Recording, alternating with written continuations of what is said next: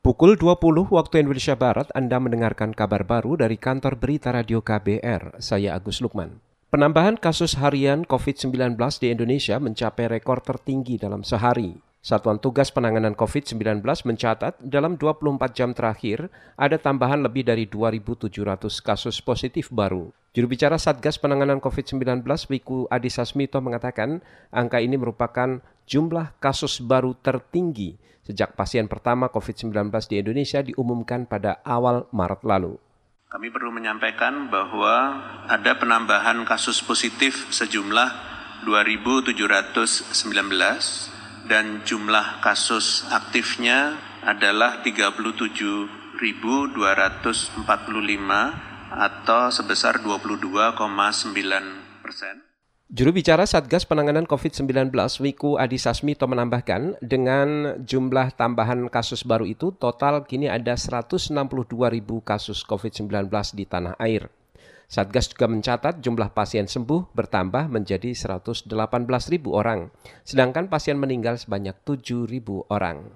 Kementerian Pendidikan dan Kebudayaan akan memberikan subsidi kuota internet bagi siswa, guru, mahasiswa, dan dosen selama masa pembelajaran jarak jauh.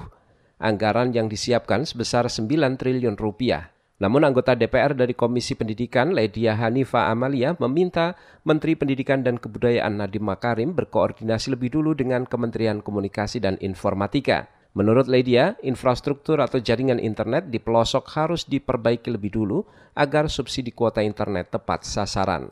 Pada daerah-daerah tertentu yang sulit untuk dilakukan pembelajaran jarak jauh dengan melalui internet, tentu harus tersedia sinyal daerah di mana e, sinyal tersebut bisa dengan kuat. Ada beberapa daerah, misalnya salah satunya daerahnya Penajam Pasir, mereka akhirnya belajar lewat via WA chat. Kebayang kusutnya dengan online saja kita udah pusing. Ini lagi dengan WA, gimana caranya tuh menjelaskannya itu Bapak Ibu gurunya. Anggota DPR dari Komisi Pendidikan, Ledia Hanifa menambahkan, Kemendikbud tidak boleh bergantung sepenuhnya kepada sistem pembelajaran online atau daring.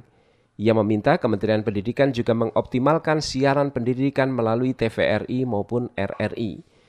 Kita beralih ke informasi lain, pemerintah hari ini mulai mencairkan bantuan subsidi gaji bagi pekerja swasta berpenghasilan di bawah 5 juta rupiah per bulan. Calon penerima bantuan subsidi upah ditargetkan sebanyak 15,7 juta orang. Menteri Ketenagakerjaan Ida Fauziah mengatakan data terakhir menunjukkan jumlah rekening penerima yang sudah dikumpulkan oleh BPJS Ketenagakerjaan sebanyak 13,8 juta orang atau 88 persen dari target. Sedangkan data yang sudah divalidasi dan diverifikasi sebanyak 10,8 juta orang atau sekitar 69 persen. Kami terus mendorong agar seluruh target penerima bantuan subsidi upah atau gaji dapat dipenuhi BPJS Ketenagakerjaan paling lambat akhir September 2020. Itu tadi Menteri Ketenagakerjaan Ida Fozia. Saudara, penyaluran bantuan subsidi gaji bagi pekerja swasta akan diberikan melalui bank negara langsung ke rekening pekerja. Nantinya setiap pekerja mendapatkan Rp600.000 per bulan selama 4 bulan atau total sebesar 2,4 juta rupiah. Demikian kabar baru dari KBR, saya Agus Lukman.